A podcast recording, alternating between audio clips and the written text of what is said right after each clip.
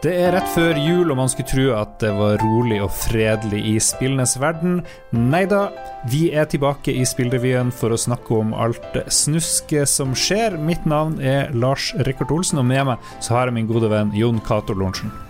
Du som jobber med vanlige nyheter, er det ikke sånn at rett før jul og høytid er da man skal endre abortlover og sende ut flyktninger og gjøre alle de eh, litt skumle tingene, for da er pressen bare opptatt av at de skal ha juleferie og gidder ikke skrive om det.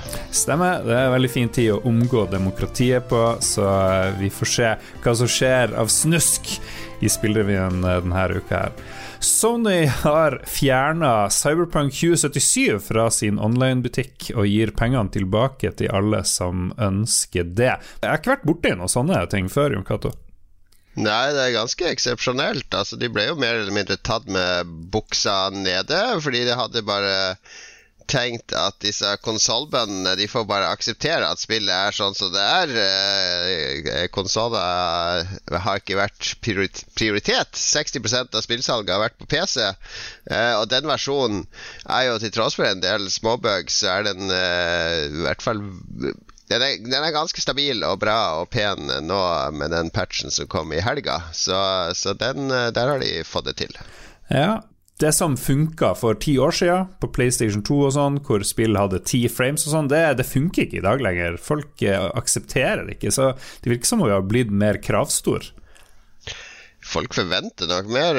Det er fordi du kommer fra The Last of Us 2 og Ghost of Tsushima, så kommer du inn til noe som eh, egentlig minner ganske mye om uh, Skyrim eller Fallout 4 ved lanseringa. Altså spill som åpenbart ikke er helt optimalisert, og som er uh, kompliserte systemer slengt sammen.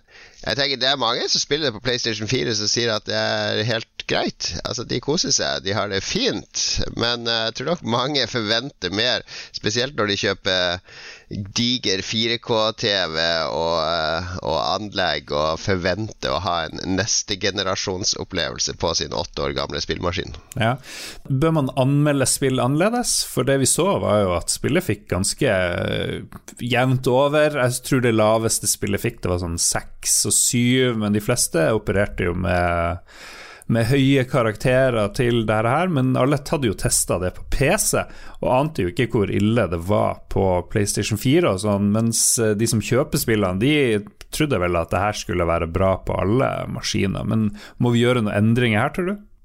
Ja, da må du som medieredaktør eh, finne ut om du driver med forbrukeranmeldelser, altså produktanmeldelser som vaskemaskiner, TV-er, biler og så andre ting, der du har kvantitative måleparametere med hvor mange bilder i sekundet er det, hvor godt flyter det. Altså kan du ha en sånn vag teknisk definisjon av hva gameplay er, som du slenger opp i denne, denne gryta, der du destillerer spilleopplevelsen ned til Eh, tekniske faktorer, og, og, om det innfrir forventningene til forbrukeren, er vel egentlig det jeg snakker ja, om her. Men når du anmelder spill, én ting er jo å, å diskutere spillmedie og hva det er og betyr og sånn, men en annen ting, det er jo en forbrukerhjelp. Den skal jo gi rettlede og veilede en, en kjøper.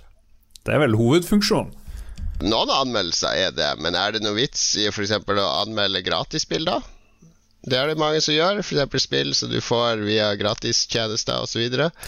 Eh, hva, hva er funksjonen til de anmeldelsene, da? Nei, Det er jo fordi det kommer 3000 spill om dagen, eller hva det nå kommer, og det er umulig å teste alle, så da må du jo vite ikke bare hva som er verdt pengene, men også hva som er bra, punktum, uansett om det koster noe eller ikke.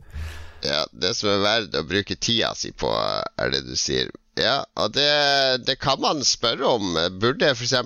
hvis det hadde vært et krav til at jeg skulle spille gjennom Cyberpunk på Xbox One, PlayStation 4, PlayStation 5, Xbox Series X og PC for å gi en uh, kvalitativ vurdering av spillets kvaliteter på alle plattformer. Altså, det er jo ingen som har kapasitet til å gjøre det. Nei, nei. Uh, så da må du, du må jo lene deg på et eller annet grunnlag. Og når jeg anmeldte det, i hvert fall, så er det jo opplevelsen som jeg hadde på den plattformen jeg spilte. Og så er det jo veldig sjelden at den er så forskjellig som den var her. Og da kan man snakke om at uh, Altså, jeg er, jo, jeg er jo veldig opptatt av, og det har jeg påpekt for andre òg, at de som har anmeldt Spiderman Miles Morales på PlayStation 5 uh, De har bare skrevet at anmeldelsen gjelder for PlayStation 5 og PlayStation 4. Uten å nevne at det er mye mer loading på PlayStation 4, det er litt dårligere grafikk, det er en del ting som ikke flyter like bra. Som mm. ingen har nevnt. Men uh, man, man, tar det bare for gitt. Og det er det samme med Cyberpunk. At jeg mente jo at dette bør stå, at jeg gjelder kun for PC-versjonen. For ja. jeg kan ikke gå god for PlayStation 4-versjonen. Ja, og det vil jo løse en del utfordringer, tenker jeg. Det kunne løst en del utfordringer, ja. Uh, men uh, på meg virker det som spillpressen ikke er så veldig opptatt av det. De vil bare huke av sjekkpunkter for alle formater, så er de ferdig med det. Vi kan ta med til slutt at Forbrukerrådet også har kommentert saken. Juridisk seniorrådgiver Thomas Iversen sier at opplegget til eh, rundt spillet med refusjoner og sånt fremstår som kaotisk, og sier at eh, det kommer noen EØS- og EU-regler som skal gjøre at spillere får flere rettigheter når de kjøper bl.a. spill som ikke er helt eh, sånn som de skal være. Uh, mange fallgruver man kan falle inn i her. Og, men til syvende og sist så handler det jo om misvisende markedsføring og uferdige produkter. Og det er jo ikke nytt i spillverden, det. Det husker jeg jo når vi kjøpte spill på Commodore 64 eller Spektrum, så var ofte kassetten, de skjermbildene på baksida av kassetten, eller de som ble brukt i anmeldelser i magasiner, var ofte fra Arkadeversjonen av ja. spillene, som var mye bedre enn du fikk til på hjemmedatamaskinene. Så det var misvisende allerede på 80-tallet. Ja. Det, de er noen bastards i spillindustrien. Jeg husker godt at ting så mye bedre ut på alle andre steder enn på din egen maskin.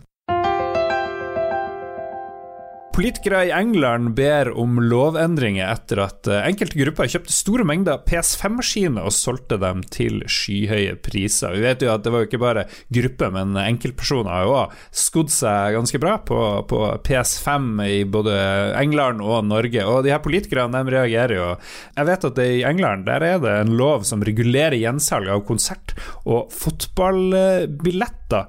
Jeg vet ikke, høres det her fornuftig ut? Vi var jo sur alle mann. Vi satt der og brukte masse timer på å prøve å kjøpe PlayStation 5. Eh, de fleste vi kjente, de var i hvert fall innom en gang i løpet av dagen på Coop eller Elkjøp eller et eller annet og bare ga opp, mens noen få heldige klarte å få til det her. Ja, altså svartebørssalg er jo også forbudt i, i Norge. Det er en lov fra 2007 om forbud mot prispåslag ved videresalg av billetter til kultur- og idrettsarrangementer. Ja, ja. Så det må jo være mulig å utvide den loven, men da Det spørs hvor, hvor Altså, det må jo være mulig å utvide den loven, men man beveger seg jo fort inn i et minefelt her. Det må jo være lov å, å, å selge kunst med fortjeneste hvis du oppdager en kunstner og kjøper et maleri av den kunstneren. Mm til en OK pris når han er ung og ukjent, og så 20 år senere så må du kunne, når han er verdens største kunstner, må det være lov å selge dette mer enn de 20 000 som du ga for det bildet eh, for 20 år siden. Ja. Nei, det lukter kanskje litt populisme ut av det forslaget, men det er jo utrolig irriterende det virker jo veldig urettferdig at, eh, at, folk skal drive og kjøpe de her maskinene. De har, kanskje man kan regulere uh, de her nettbutikkene, hvordan de må gjennomføre salgene. ikke sant? Gjøre det litt mer forutsigbart, for de driter vel i det ganske mye. For de får jo solgt ting uansett. Ja, men jeg tenker, herregud, hva er dette? Skal, skal uh, politikere og og de som lager lover, og, og vårt rettssystem bruker tid og krefter på å regulere dette og mm. håndheve disse reguleringene. Ja. Ja, det, det, altså hadde det vært eh, snakk om munnbind eller andre litt mer sånn livskritiske varer som spekulanter skulle gjøre seg rik på, eh, mat og helse, så er jeg jo enig i at her må det reguleres. Men det er da tross alt snakk om en PlayStation 5 og et marked som stort sett regulerer seg sjøl. Det er ingen som selger den til 15 000 lenger. Nå er vel going startpris på Finn ned i 9000, så det nærmer seg ganske mye eh, det som er butikkprisen fordi de begynner å få kalde føtter, de scalpers. Ja, Men det jeg tenker på, det er jo at sånne organer, sånn som EU og, og de her, det, de bruker veldig mye tid etter hvert på å beskytte forbrukere, heldigvis, da. De, de skal gå mot monopol, de driver og tenker på, på, garantier, de tenker på at mobiltelefoner skal ha samme ladekabel. Det blir veldig mye detaljstyring av konsumoppførsel og hva bedrifter gjør. Så jeg tenker at det er ikke sånn helt urealistisk at de skal gå og si hvordan salg av produkter skal skje på nett, men er det rett bruk av tid? Det er gud vet. Ja, nei, det er et godt poeng, det, for de gjør mye bra oppi disse tingene som beskytter forbrukerne. Men så må man jo Man kan ikke regulere absolutt alt. Jeg husker når, vi, når jeg jobba i Akersmik, så fikk jeg jo den geniale ideen om at vi skulle begynne å selge bruktspill. At folk kunne bytte inn spill hos oss, og så kunne vi selge de brukt. Fordi du tjener Du har ganske høy fortjeneste på bruktspill hvis du gir relativt lav innbyttepris og har sånn middels høy utsalgspris. Uh, og Det ble komplisert umiddelbart, fordi det er noe som heter skraphandlerloven i Norge, som du sikkert aldri har hørt om. Men hvis, hvis, du er en bedrift som skal selge, kjøpe inn brukte varer og selge de på nytt, så skal, du skal vite om det er tyvegods. Så ifølge den loven så skulle vi ha en sånn her fysisk bok bak kassen, der alle skulle finne, fylle inn navn og adresse og de liste over de gjenstandene som de solgte til oss. Mm. Så at politiet i teorien kunne komme og så bla i skraphandleboka vårt og finne en sykkel eller noe annet som var stjålet. Jeg vet ikke om det har skjedd i praksis de siste 30 årene, men jeg tror skraphandlerloven fortsatt det ikke sant, det er en lov som oppsto av et eller annet behov, fordi tyvegods blir omsatt brukt. Og det er greit, men det var en lov som ikke ble håndheva i det hele tatt. Så jeg, jeg, vil jo ikke at vi skal bruke tid og krefter på å lage en lov basert på en PlayStation 5-lov. liksom basert på et sånn enkelttilfelle av eh, en, en, populær elektronisk dings ble lansert i 2020. Derfor har vi nå denne loven som gjør at eh, finn.no og alle andre må ha fire ekstra ansatte og systemer som koster noen millioner kroner i året for å passe på at dette og dette håndheves.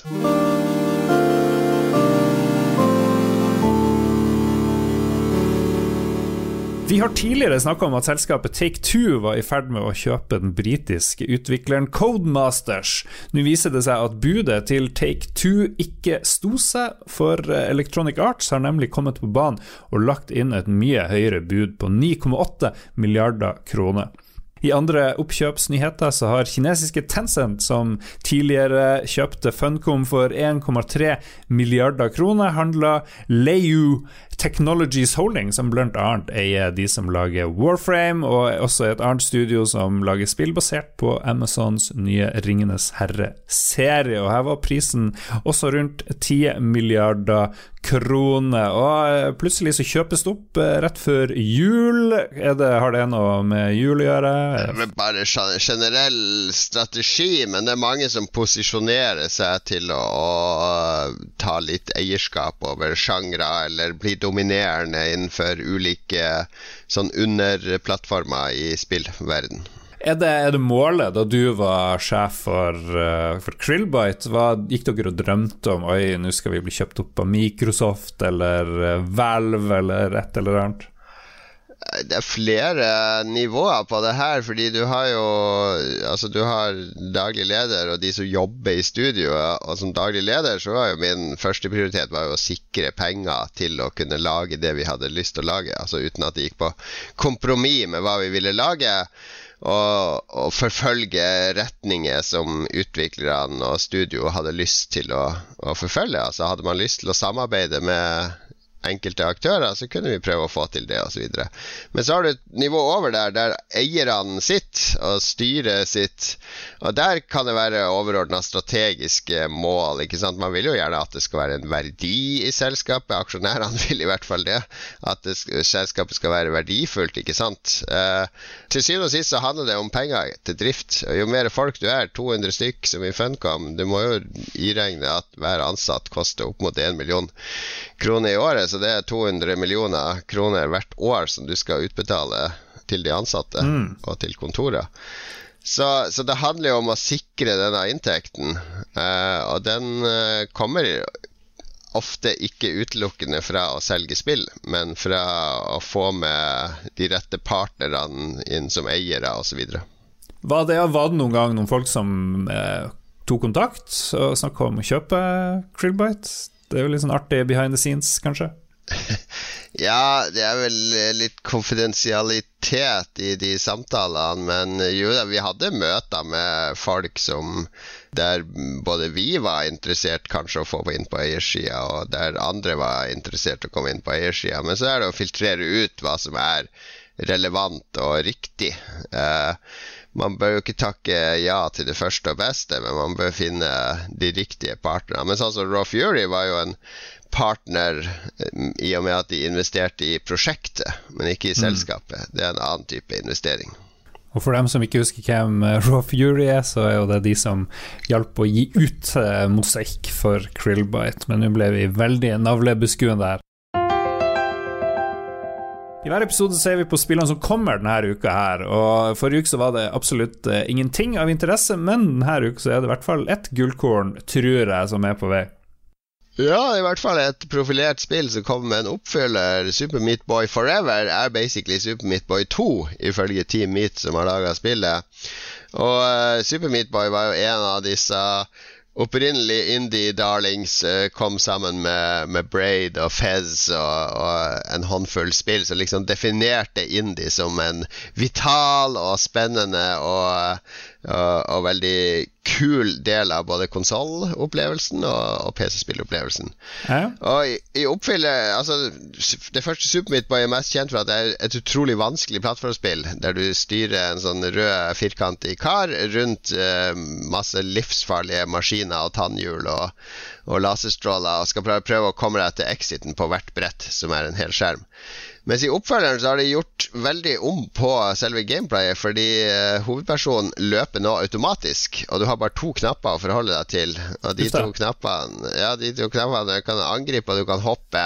Og så kan du selvfølgelig kombinere med Du kan eh, hoppe og så angripe i lufta og dive og sånne ting. Slide under ting. Sånn at uh, figuren løper av seg sjøl, og du må gi han de riktige inputs, som gjør at det kanskje har litt til felles med sånn Endless Runner-spill, men det skal være nivåbasert fortsatt. Og så skal det også du må ta niv samme nivå flere ganger. Det skalerer i vanskelighet opp og opp og opp jo flere ganger du klarer det, så du skal komme opp til et visst nivå, sånn som jeg har skjønt det. Hmm ble kanskje litt detaljert, men det er det eneste som er omtrent som kommer. Og det kommer faktisk på lille julaften på Switch og PC. Og så kommer det på PlayStation og Xbox til neste år. Og her kan jeg ikke gå god for at PlayStation og Xbox-utgaven blir like bra som, som PC og Switch-utgaven, for den har vi ikke spilt. Vi må ha en sånn disclaimer med om alle spill vi snakker om fremover, tenker jeg. Absolutt. Jeg vet jo at han Edmund Macmillan, som har lagd Binding of Isaac-spillene, han var jo med og lagde det første spillet, men jeg tror ikke han er med nå i den her, eh, den her Super Meat Boy Forever. Du får se, autorunner-spill, da blir jeg litt skeptisk, men, men ok, ok. I denne episoden så har du hørt eh, Lars Rikard Olsen, meg sjøl og min venn Jon Cato Lorentzen. Det høres ut som du er på månen denne uka, Jon Cato. Hva er det som skjer? Min mikrofon har blitt ødelagt. Jeg har fått en Power Surge-feil. Så jeg må bruke sånn headset-mikrofon. Jeg foreslår at du ber til julenissen og diverse guder om en ny mikrofon i julegave.